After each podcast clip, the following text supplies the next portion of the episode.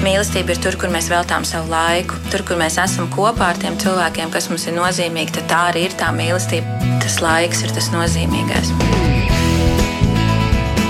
Mēs tiekamies ģimenes studijā.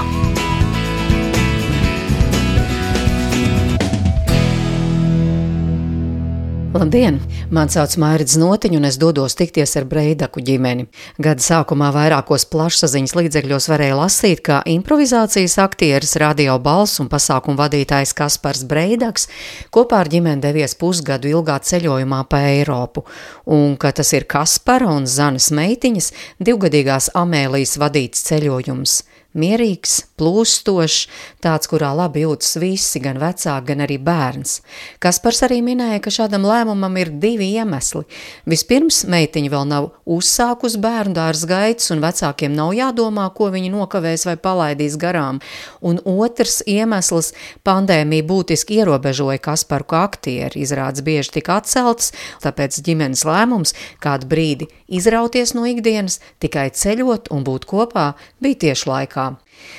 Tagad viņi ir atgriezušies. Kaspars ir darbos ar dubultu jaudu un enerģiju, bet Zane darbošanos ar teātri, bērniem un pasākumiem nomainījusi uz baristas amploā.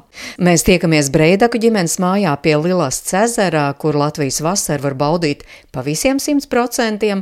Uz mājas terases galda tiek nolikts spirdzinājums, glāze ūdens un kafijas tasīte. Par atvēsinājumu parūpējas vējš, bet Amēlija uzreiz demonstrē, ka viņa sarunā nepiedalās piedalīsies, lai stāsta mamma un tētis viņa labāk šajā laikā zīmēs.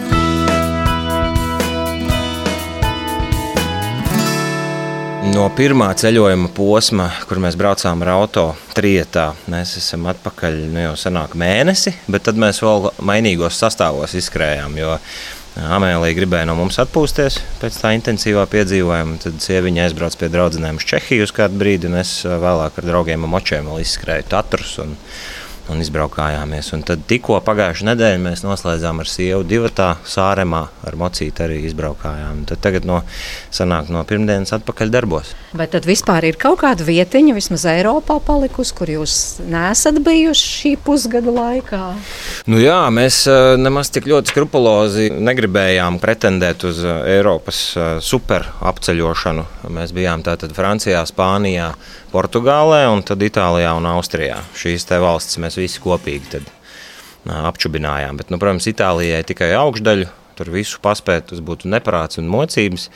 Galvenais tas mūsu uzstādījums bija vienkārši plūst, plūst kopā un ļaut arī, lai bērns ietekmē to, kur un kā mēs braucam un, un diži nesteidzāmies. Kā tas ir plūst ceļojumā un nesteigties? Kā tas ir?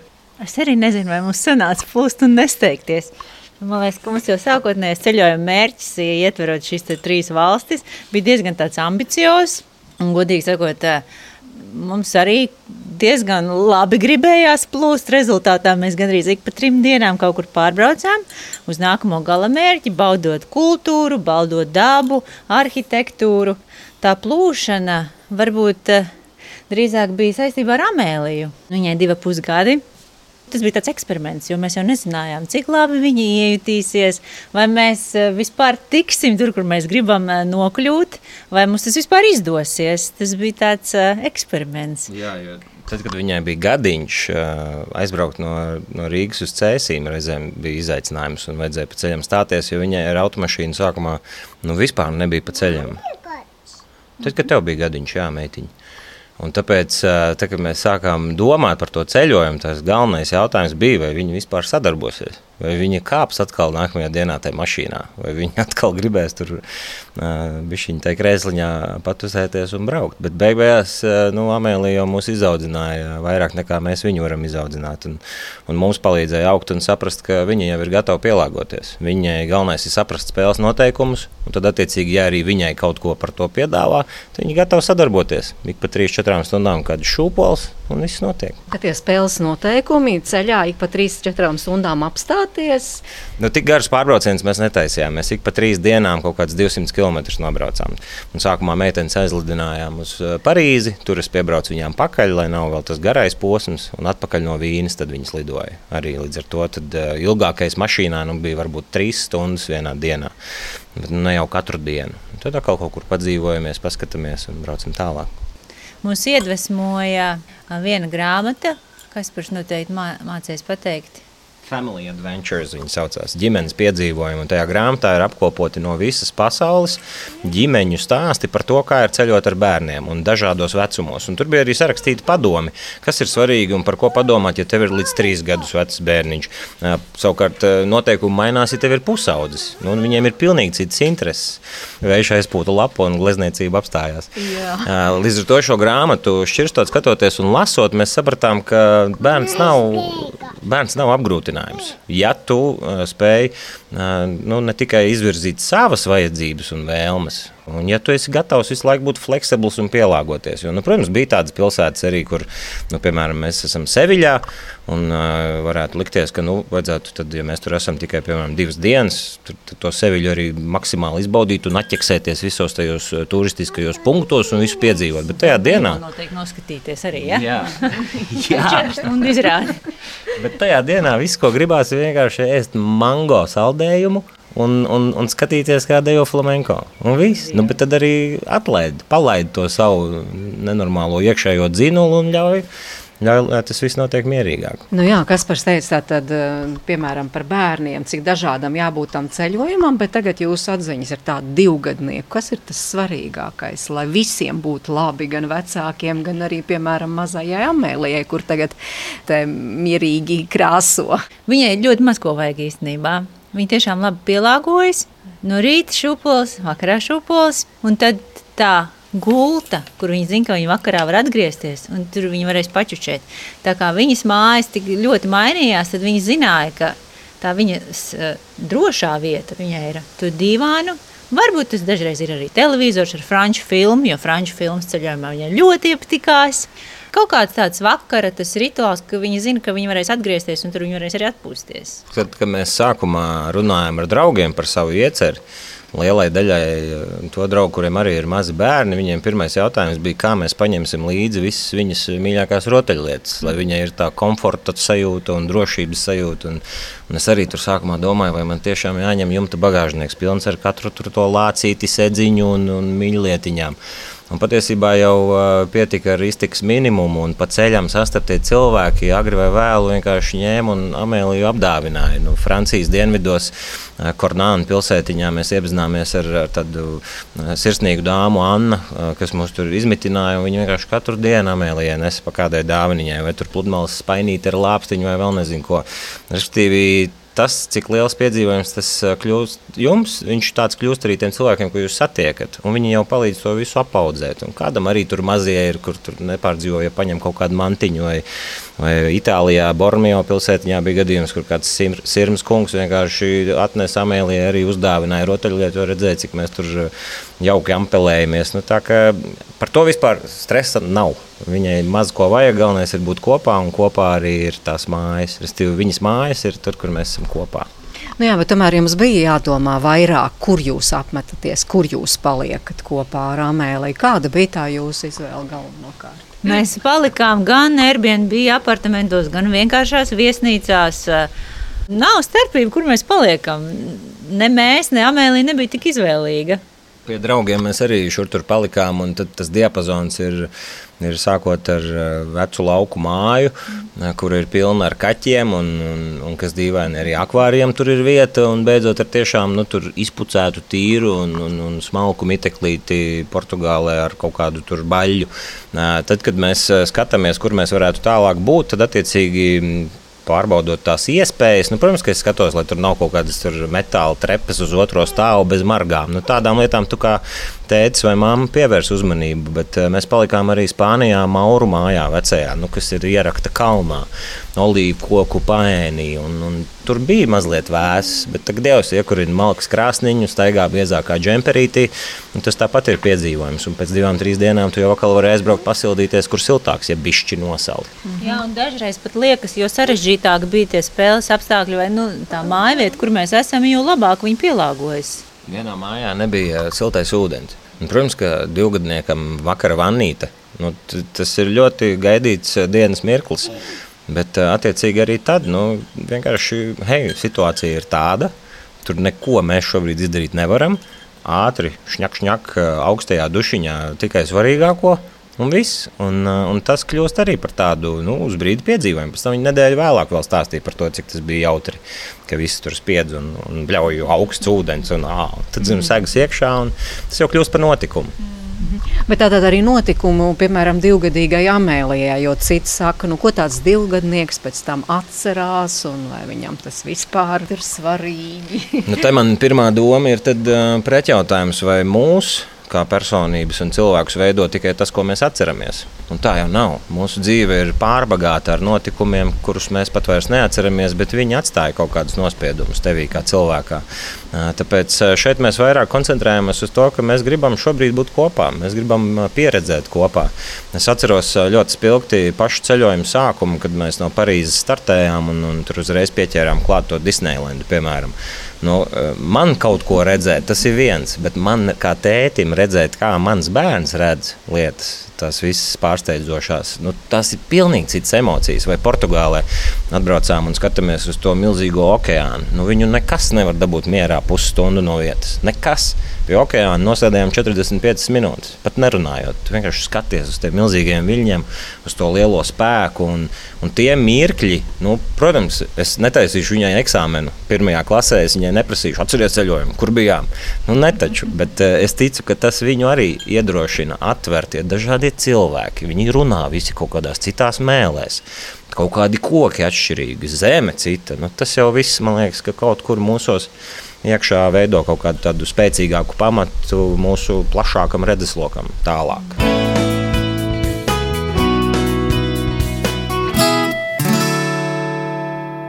Bet tas, ko jūs stāstījāt par to ceļojumu, tad jūs, piemēram, esat punktā A, Un tad jūs lēmiet, kur tad mēs dodamies tālāk. Nevis tā, ka tagad jau esot mājās, jums jau ir saplānots tur skrupulozi viss maršruts. Mēs neesam plānotāji, mēs tiešām ļāvāmies plūdumam. Jā, tiesa man bija atzīmētas vietas, kurās es varbūt gribētu nokļūt un par kurām mums draugi stāstīja. Un ja mūsu ceļā tie punkti gadījās, nu, ja nebija liels tā kā rīņķis vai apgrūtinoši atkal tur pa tālu jābrauc, tad mēs to arī apskatījām. Bet lielākoties jau, piemēram, tajos Airbnb apartamentos, kur mēs palikām, tad saimnieki bija tie, kas pateica, kur vēl ir foršas lietas, ko jūs varat redzēt savā ceļā. Jā, viņi brīnījās, cik tālu mēs esam braukuši. Nu jā, tad mūsu ceļojums veidojās saistībā ar tiem cilvēkiem, ko mēs satikām. Tā tad bija vietas, ko jūs noteikti gribējāt redzēt. Varat ar dažām tām vietām padalīties? Uh, visvairāk laikam uh, tās bija Spānijā un Portugālē. Nu, piemēram, San Sebastiānā, Seviļā. Tad Portugāles dienvidi, kas izcēlās ar viskaistākajām piekrastēm. Tur tā Marīņa Beach, ar brīnumainām klinšu katedrālēm ūdenī, uz kurām arī tur sasēduši putni, kas izskatās kā pingvīni pa gabalu. Es laikam visvairāk tiku skarts tieši ar tiem olīvu kokiem. Man fascinēja olīvu koki un Spānijā tur ar to visu viņu rudo zemīti un, un to, to smilšainumu. Un, un, un tu brauc un, un pēkšņi viss ir vienās olīvēs visapkārt. Un, un zeme piesūkusies ar to olīveļu arī pat nedaudz. Un tad tu pabrauc mazliet tālāk, 200-300 km, tad pēkšņi ir apelsīnu koku plantācijas. Un tas vien, ka tu kaut kādu laiku savas dzīves pēkšņi var no rīta iziet ārā brokastīm pie siltu ūdentiņa citroniņa, gribas piespiest klāt, un tas citrons tev tepat kokā ir. Nu, tas arī ir kaut kas tāds, tomēr nu, mums šeit dzīvojot, nu, fenomenāls, fantastisks. Un pat ja varbūt tie, tie mandarīni vai apelsīni, ko no koka plūc, ir bišķi tādi nu, lielāki cīņa. Viņiem miza nelec tik viegli nost, vai tā garša ir, ir mazliet rūktenāka un, un skābāka. Tas tomēr viss nāk uzreiz ar tādu stāstu līdzi. Nu, un, jā, reti kas spēj stāvēt klāt tam okeānam. Tomēr nu, tas okeāna spēks, un šeit jau mēs Latvijā ļoti labos draugos esam ar jūru, ar ezeru, ar ūdeņiem kā tādiem, bet kaut kas tajā okeānā ir ļoti līdzīgs divgadniekam. Nu, viņš visu laiku cīnās par tavu uzmanību, un tad, kad tu viņam viņu reāli arī ņem un dod, nu, tu arī dabū pretī, tu dabū to nu, kaut kādu tādu pat grūti aptveramu sajūtu, un to nevar pat uzreiz aprakstīt. Un man bija dienas, kad man tas okeāns pat mazliet traucēja, kad mums gribējās iebraukt Portugālē bišķi tālāk no krasta, un, un, un, un, un tiklīdz mēs atradām vienā vietā priežu mežu, mēs atkal vienkārši bijām absolūtā sajūsmā, jo tas ļoti saistījās ar mājām. Nu, tādas nianses, un, protams, vēl tas, ka cilvēks aizved tev pie cilvēka. Reizēm ceļojumā man ļoti žēl, ja ir kaut kāds plāns, ka, piemēram, viens piedāvā kaut kādu jaunu pavērsienu, bet es viņu nevaru atļauties, jo man ir jau kaut kas sarunāts. Šajā gadījumā atstājot uh, to varbūtību arī kā ceļojuma biedru mūsu braucienā. Super. Viens eh, draugs vai saimnieks pasaka, ka jums noteikti vajag uz turieni aizbraukt. Vai, piemēram, tur Porto, nu, fantastiska biblioteka, grāmatu veikals kā biblioteka, trīs stāvos. Nu, ak, Dievs, ņem tur un pusdienu pavadi pēc tam.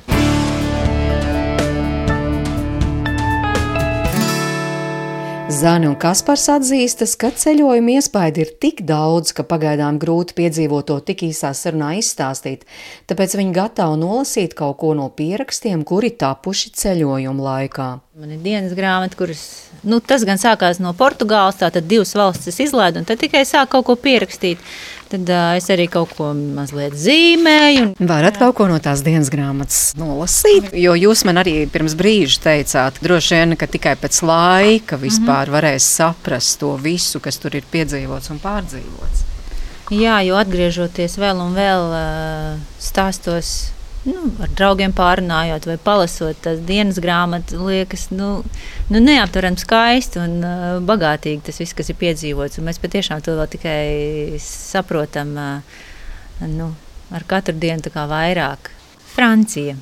Olorons Saint-Marie pilsētiņa. 21. marts, 6.30. Paver acis, kā dzied putni. Šķiet, upe ir pilna ar putniem. Pavaru logu, Zaļa upe stipri plūst tieši pie kājām. Jūtos kā upē iekšā. Tik tuvu upē nekad nav dzīvots. Nu, gluži kā Venecijā. Pār palodzi upe. Ļoti skaisti. Te agrāk bijusi galvenā berešu ražotne. Tagad palikusi vien viena rūpnīciņa ar 80 darbiniekiem. Ārā tāds pavasaris, zāle zaļa, plus 20 putni čurkst. Šūpojamies parkā un ēdam gardu tunča picu un kišu pirms trīs stundu pārbrauciena. Starp citu, Zanē, jūs taču izbraucāt janvārī. Vai tas arī nebija kaut kādā ziņā izaicinājums? Pavasaris labi, te jau čurkst un viss, Jā. bet ziema. Mums jā, mazliet bija tā, ka liekas, ka ir jāsagatavojas četrām sezonām, jo mēs izbraucam ziemai, vasarai, pavasarim, visam cauri. Un tā arī bija, jo noslēdzām mēs Itālijā ceļojumu, var teikt, ar slēpošanu kalnos. Tas bija decembra beigas, kad mēs bijām Parīzē, Un tur bija ļoti pavasarīgs laiks. Pilnīgi sarkana beretīte, sarkans metālīts, franču, parīziešu stilā, un uh, laiks mūs lutināja. Tāda īsta ziema. Nu, jā, mums bija tikai atpakaļ ceļā Itālijā ar sniegu. Varbūt kas par arī ir kaut kas nolasāms. Jā, man ir viens fragments uh, no grāmatas, ko es mēģinu rakstīt šobrīd ar visiem tiem iespējām, lai nepazūd. Ja Parīze ir mīlestības galvaspilsēta, tad šķiet Liona ir mākslas un radošās dvēseles mājvieta. Milzīga neona izkārtne Le Dream maigi atslābina vērtējošo turistu manī. Skatloks, pa kuru var redzēt baleta nodarbības kā ritmiska meditācija arī manam viduklim. Es pie tā nostāvēju minūtes desmit un aizgāju, jo pasniedzējs sāk skatīties manās acīs tā, kā es skatījos uz dejotāju kustībām. Pa īstam. Muzeja un katedrāls skaistāks par sauli, Amēlija ir sajūsmā, uz vienu no galvenajām katedrālēm ved kāpnes, garākas par mūsu ciltskoku.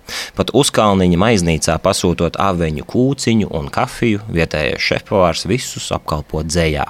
Šim mirklim mūsu dzīvē būs atskaņas, es atjokoju. Viņš nesaprot un turpina. Es novēršu skatienu bagetēs. Man te patīk. Jā, un kad tad būs grāmata? ļoti ceru, ka rudenī. Ļoti ceru, ka rudenī tā disciplīna mazliet pieklibo. Jo, nā, arī, piemēram, kaut kādā bilžu atskatu likšanā sociālajos tīklos es vēl joprojām esmu Spānijā. tā, tas viss ir, ir stipri lēnāk, jo vairāk, vairāk laikam saistīta tā tagadne nekā tas, kas jau ir piedzīvots un bijis. Bet, bet ļoti ceru, ka rudenī būs. Jo, jo pēc Spānijas tad vēl bija Portugāle un atpakaļ atkal griežoties Spānija, Francija, ja, Itālija. Mm -hmm. Nu, tu tālāk ticis. Jā, bet nu, tad, lai šo visu uzrakstītu, tad tomēr jūs piefiksējāt jā, tās sajūtas, izjūtas tā brīža. Tieši tā iespēja pārdomāt. Nu, tas, ka tev nav redz, tiem mazajiem atvaļinājumiem, kas reizēm ir lielākais mīnus, ka tu rīktīgi sastrēbi karstu. Un tu visu laiku esi tādā tempā, ka nav iespēja pat uz desmit minūtēm tās dienas vakarā pārdomāt, kas tieši notika, kas bija forši, kas aizķēra, ko tas nozīmē.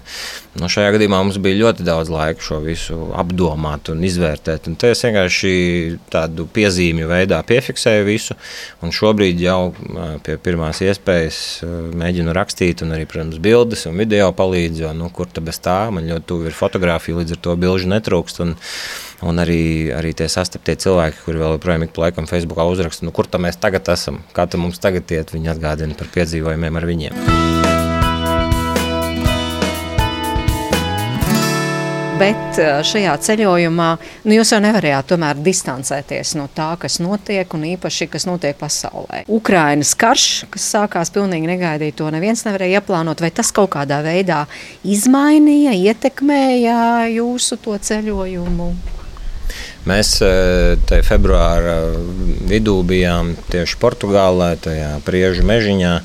Un, uh, no rīta skatoties ziņas, nu, protams, ka visa tā idila uz brīdi tika satricināta. Un, un tu sāc sevi šausmīt un vainot par to, ka kā es drīkstu šādā brīdī ceļot un kaut ko baudīt un pieredzēt, un vai tas ir vajadzīgs. Un tad tu vienkārši ņem un sēdi un, un procesē tās domas un sajūtas. Nu, labi, nu, kādas ir alternatīvas, ko man darīt? Vai tiešām es esmu noderīgāks, ja es tagad pilnīgi visu, kas tik, tik rūpīgi lolots un veidots, metu pie malas un braucu un, un mēģinu caur mikrofonu kaut kādu mierinājumu dot citiem, ja es pats esmu absolūtā nemierā ar Krievijas agresiju un to, ko viņi tur izvērš un dara.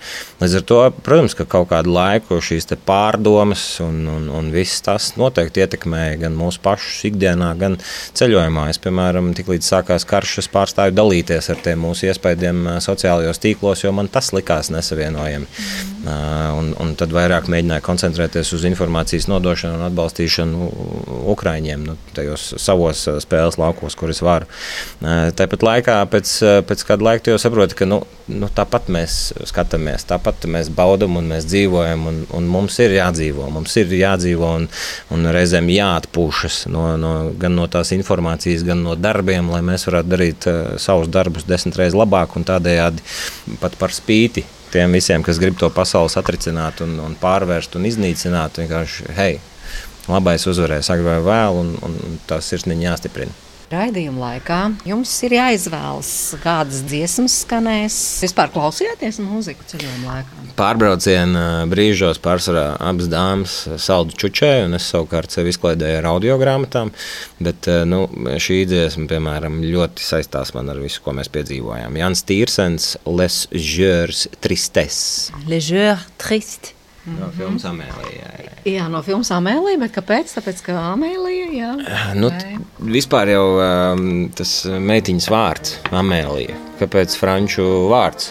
Tāpēc, ka um, mēs bijām jau kādu laiku attiecībās, bet tikai tad, kad Zana aizbrauca studēt uz Franciju, tikai tad es pa īstam sapratu, cik daudz viņa man nozīmē un ka viņa ir sieviete, ar ko es uh, absolūti noteikti gribu veidot ģimeni. Un tad tas vārdiņš ir tāds kā nodeva Francijai, un tāpēc arī mēs ceļojam sākām Parīzē. Un, protams, ka vārds aizved pie filmas, filma pie burvīgas mūzikas, un, un tad to dziesmu es klausījos uh, iebraucot Parīzē. Tad, tad es jūs tur satiku, jā, jo viņas lidoja.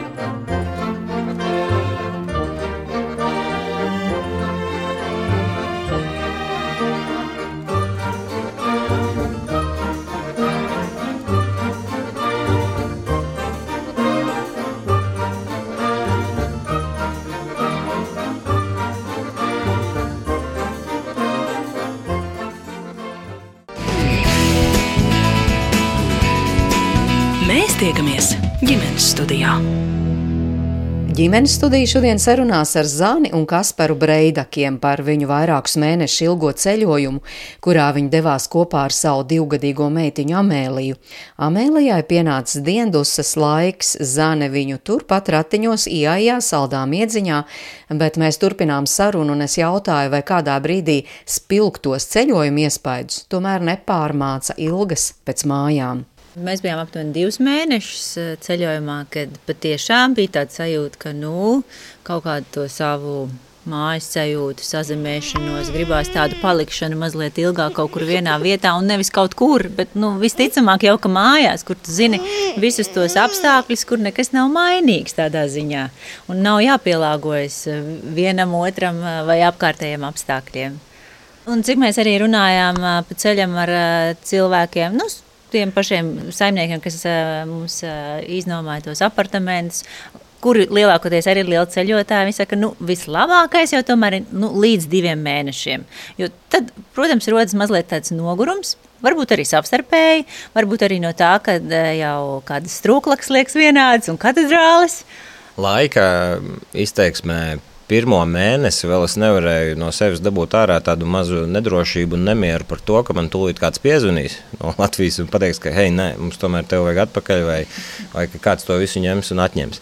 Tas uh, otrais mēnesis tādā ziņā jau aizgāja mazliet citā, citā tādā noskaņā, jo tas īsti vairs nav pat ceļojums. Tā ir mūsu jaunā dzīve, kas ir kustībā.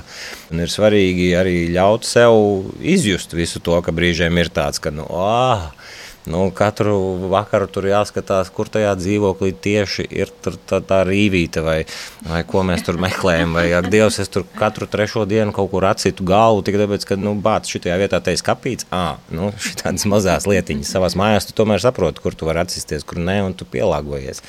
Nu, tas viss, protams, ka nogurdina. Tāpat laikā kaut kāds tas arī iekšējais dzinolis uh, ņemt un, un tomēr uh, tvert. Un varbūt ne gluži tā, ka jā, man vajag apskatīties, bet vienkārši saprast, ka tagad mēs dzīvojam šādi. Šī ir mūsu dzīve. Un, un forši, jo kad vēl tūlīt sāksies uh, bērndārs, viņai būs savi plāni, savi grafiki, vispārējais. Nu, tas tāds uh, ekskluzīvs notikums, ko tad, nu, ja attiecīgi tu baudi, tad baudi. Ieskanējās, te, ka sāk jau varbūt kaut kādā brīdī šķist, ka šitās trūklaks jau ir redzēts un šitas jau piedzīvots un šitie koki arī ir pazīstami nu, nobružājies. Jā, protams, tas tavs uh, skatījums uz to it kā atšķirīgo. Adrenalīns pazūd uh, par to, ka uh, tas tik nu tagad ir piedzīvājums un viss pārējais. Un tad uh, ik laikam uh, pat ar uh, spēku sev jāatgādina, kas ir tas, kas mani interesē un vai es šeit to varu atrast. Uh, piemēram, Zanītē joga, stipri tuvu un, un kāpēc to neņemt līdzi un kaut kur nebaudīt. Man savukārt ļoti patīk rakstīt. Tad, attiecīgi, arī kustībā esot kaut kur nolīst malā un parakstīt eh, dažādās vietās, vai tas pašas kaut vai bibliotekas vai grāmatu veikali, ko mēs arī īstenībā jau Francijā, Reimsā, mēs sapratām, ka biblioteka ir lieliska vieta, kur doties. Jebkurā pilsētā, kur tu esi, tur bieži vien tev pacēnās ar bezmaksas kafiju, ja ir mierīgs laiks un darbiniekiem gribās papļāpāt. Tur ir eh, tāds pats klusums kā katedrālēs vai baznīcās, ja gribās patvert atturēties no daudzu lielo pilsētu trokšņa un, un tās visas aizņemtības un trakuma.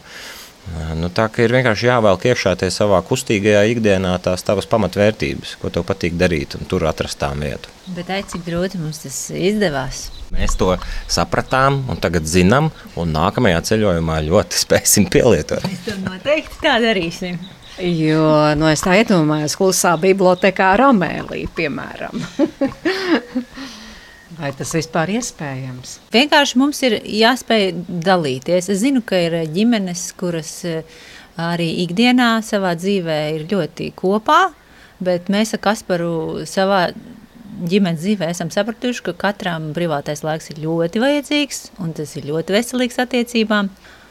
Tas nāk par labu gan tam, kurš atpūšas viens, gan tam vecākam, kas paliek tikai ar bērnu, jo tā ir atkal cita pieredze, ko iegūst ar bērnu divi tā esot. Uh, spēlējoties, vērojot.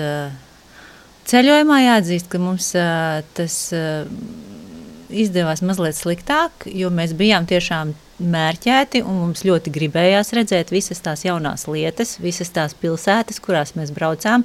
Tāpēc tas savs laiks mums grūti nāca, kaut arī mums bija draugi un teica, hei, tas jums var palīdzēt, ja jums ir kaut kas apnicis, pamēģiniet. Mēs, jā, jā, labi, darīsim tā, bet, eh, bet jā, tas sākotnējais uzstādījums pārvietoties tik intensīvi. Mums tik un tā kaut tā kā tādā kodolā bija bišķiņi iezīmēts, un mēs no viņa netikām vaļā. Un tā mēs arī turpinājām tādā dinamikā paudīt. Es domāju, ka tas saistās ar drošību. Nu, savās mājās esot vai, vai vismaz mājas zemē, Nu, ja meitenes aizbrauc, piemēram, atpūsties uz kuldīgu, nu, viņas ir drošībā. Viņas jebkuram var jebko pajautāt, ja vajag mazums tur. Un, un, un, nu, cilvēki jau atsaucīgi un palīdzēs. Esot kaut kur prom, nevienmēr tev ir pašam šis uzticības kredīts tiem apkārtējiem. Nu, viņš vēl ir jāizveido un, un jānopelna.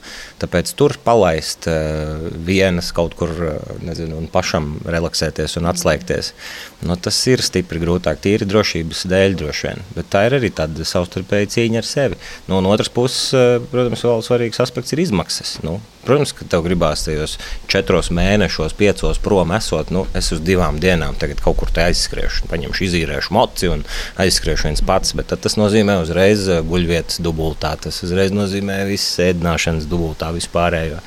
Nu, šīs te nianses jau, protams, to ietekmē apstākļi. Jā, man uzreiz ir divi jautājumi par finansēm. Jūs sākāt runāt un par attiecībām. Par attiecībām paturpināsim.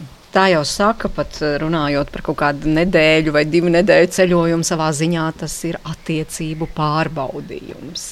Jums tie bija mēneši šādā neparastā vidē, neparastā ritmā, un kā jūs stāstāt, ka jūs nevarējāt darīt un, un dzīvot tā, kā jūs ikdienā dzīvojat.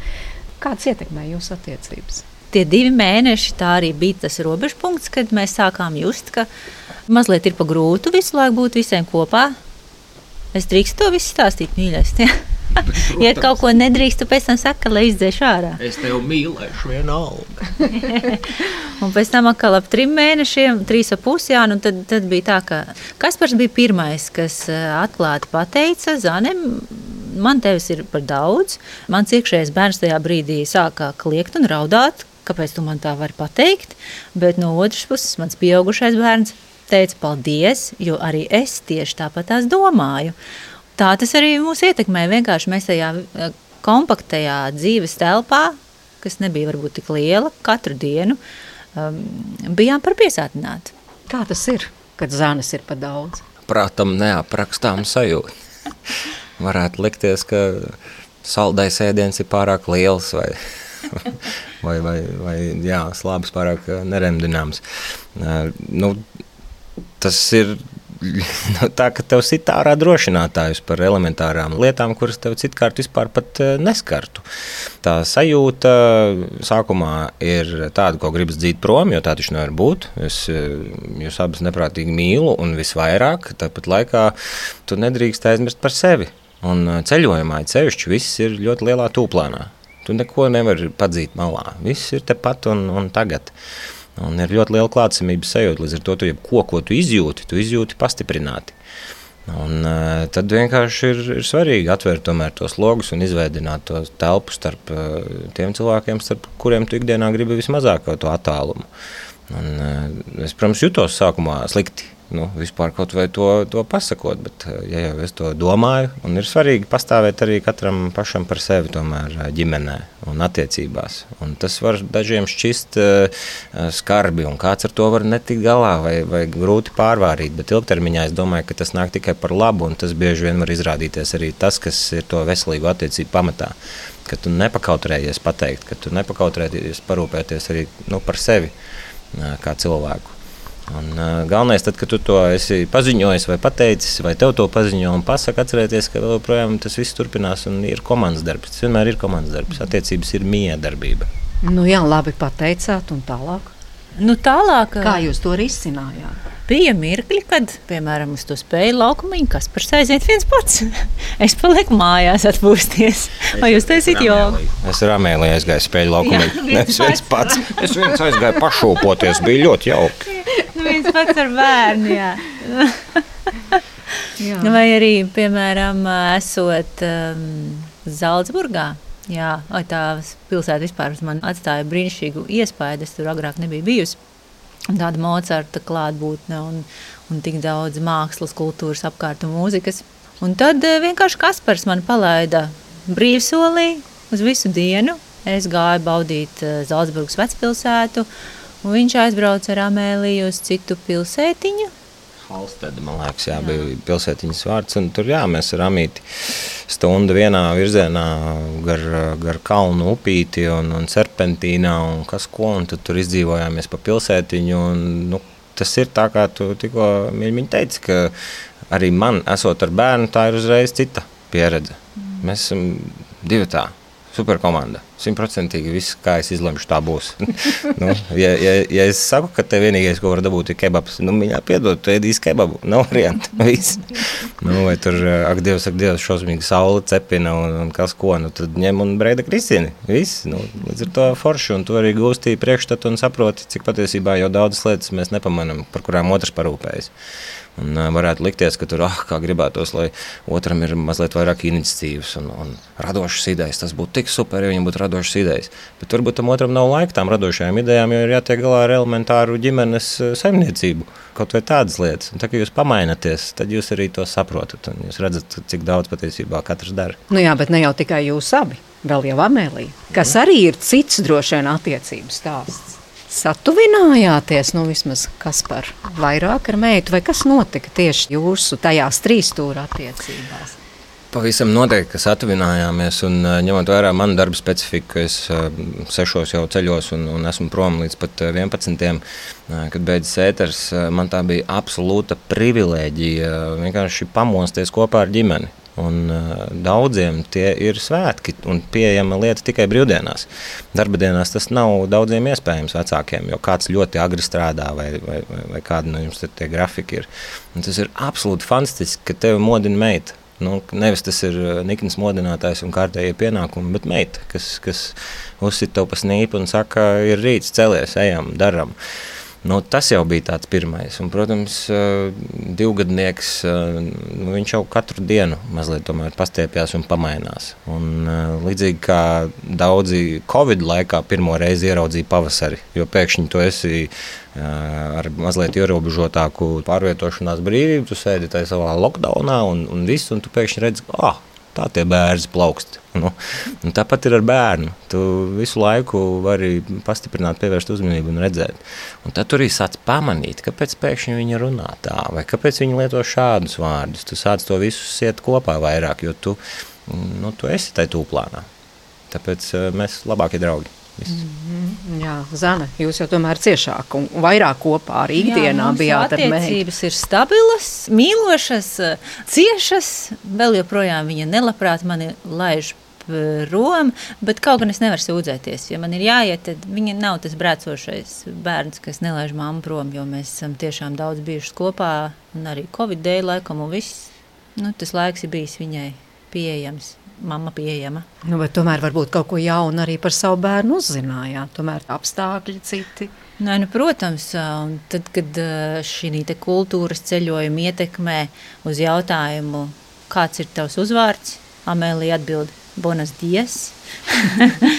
nu, mēs katru dienu kaut ko jaunu uzzinājām. Šis ir superīgs laiks, kad nekādi nevar vairs paredzēt. Un man liekas, ka visu to laiku varbūt vēlāk bērns kļūst paredzamāks, bet tās atbildes, ko viņas sniedz un tie jautājumi. Un, Nu, tas ir vienkārši fantastiski, ka mums bija eh, iespēja būt tik klātesošiem un to visu redzēt un vērot. Manuprāt, Cieviņš, tu ievies burvīgu tradīciju, ko vajag turpināt eh, ne tikai ceļojumos.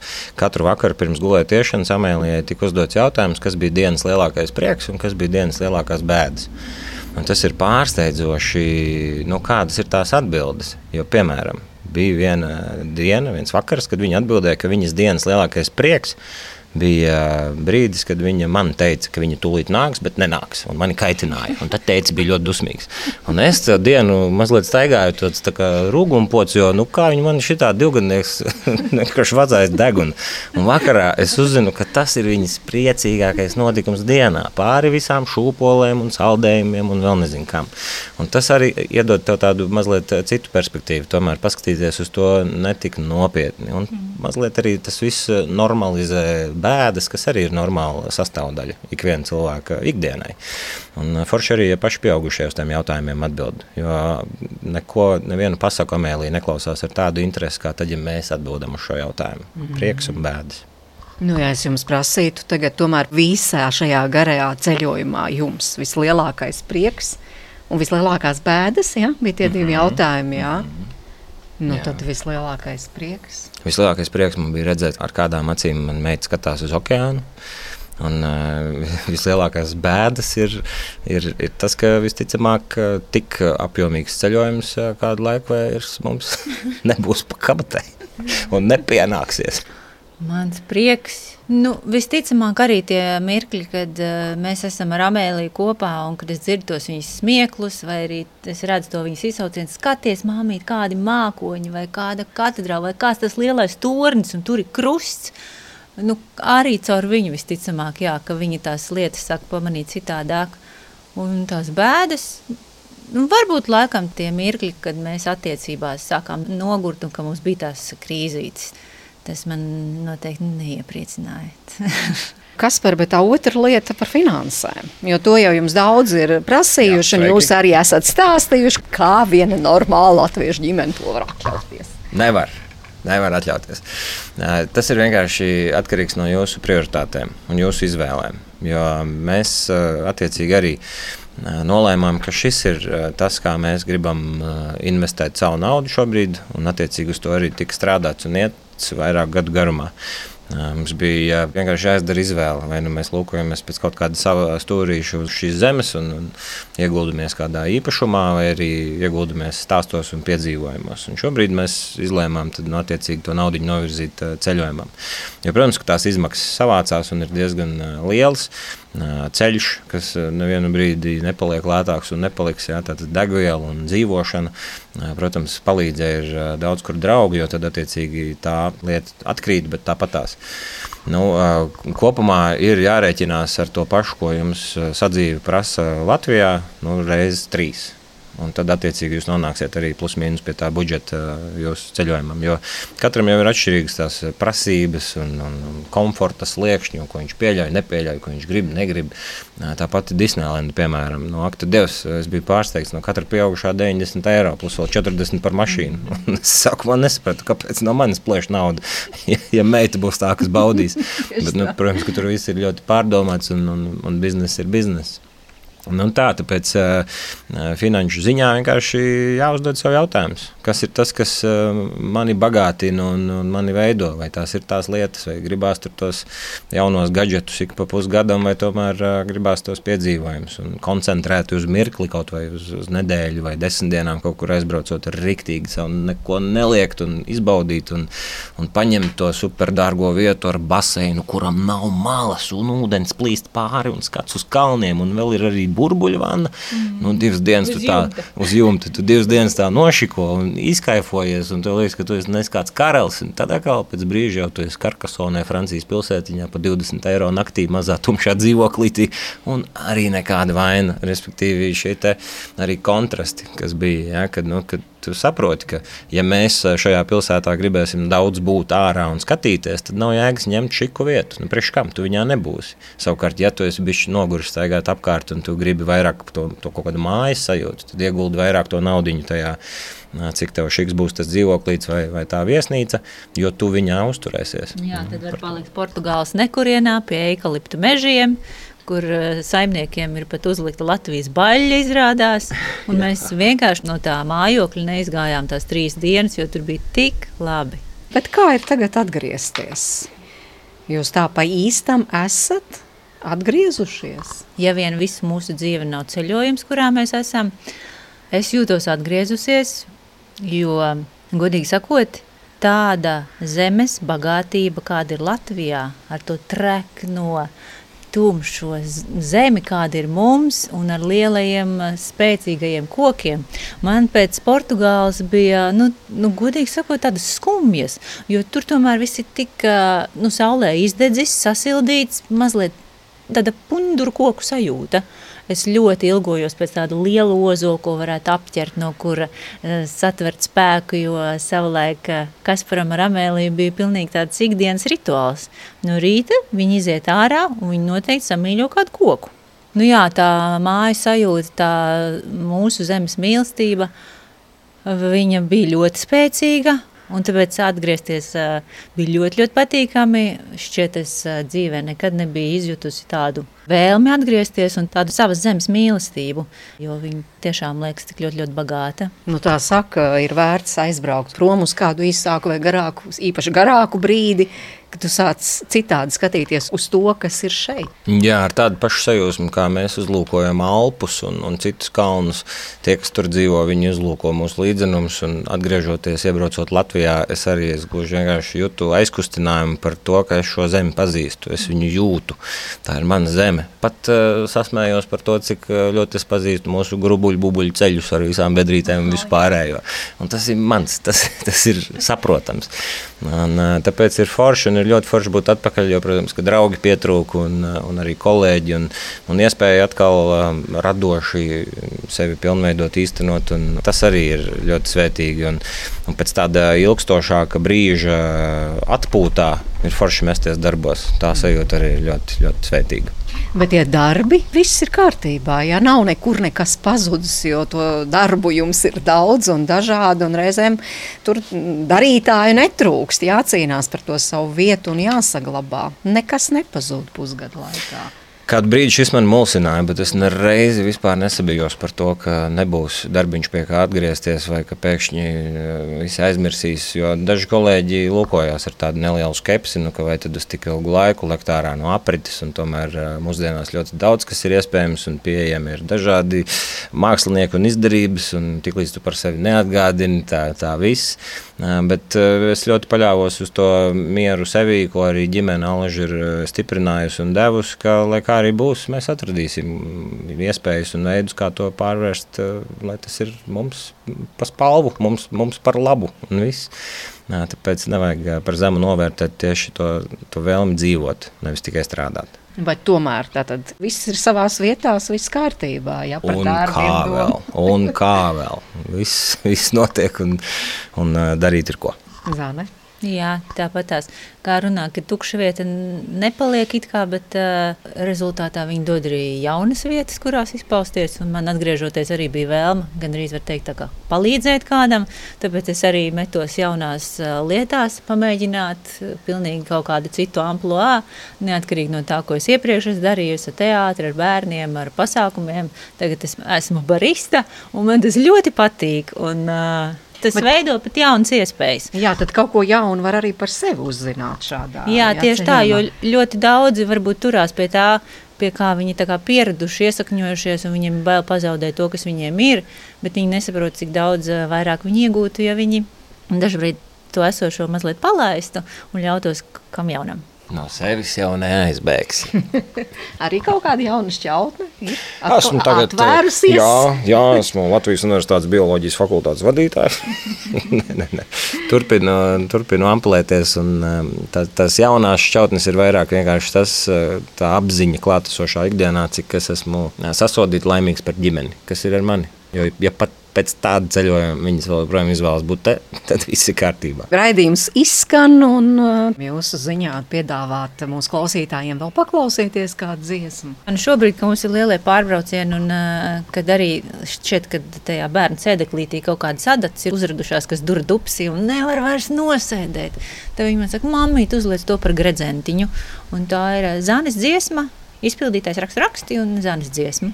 -hmm. Bet ko jūs vispār darat tādos brīžos? Te jums tagad ir liela pieredze, ka tur liekas, ka tajā krēsliņā kādas adatas vai vēl kaut kas tāds. Protams, ka viņi arī dažreiz saka, nu labi, mamīt, es paskatīšos kokus.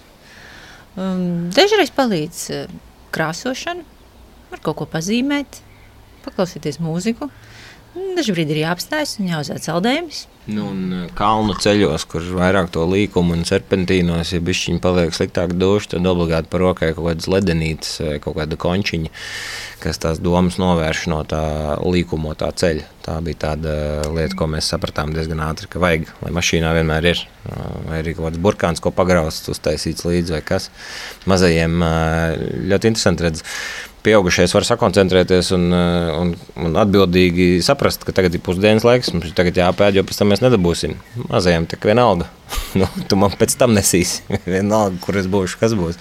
Tāpēc forši ir ērti paķeram līdzi somā, iemetam kaut kādu kārbiņu, kurā visu laiku kaut kāds ēdamais, kaut kāds graužamais, lai mazajam ir puncītim droši. Tas mērķis notiņa, paldies, saku Breidaga ģimenei, Zanai un Kasparam. Amēlija joprojām saldi čuči, un tāpēc varējām arī mierīgi parunāties. Un paldies jums, saka arī ģimenes studijas komanda Ilza Zvaigznē, Girts Bišs un Ora Mitspapa, un paldies jums, ka klausījāties un iedvesmojāties, cerams. Tā kā tiekamies citā raidījumā. Nu tad rakstu raksti.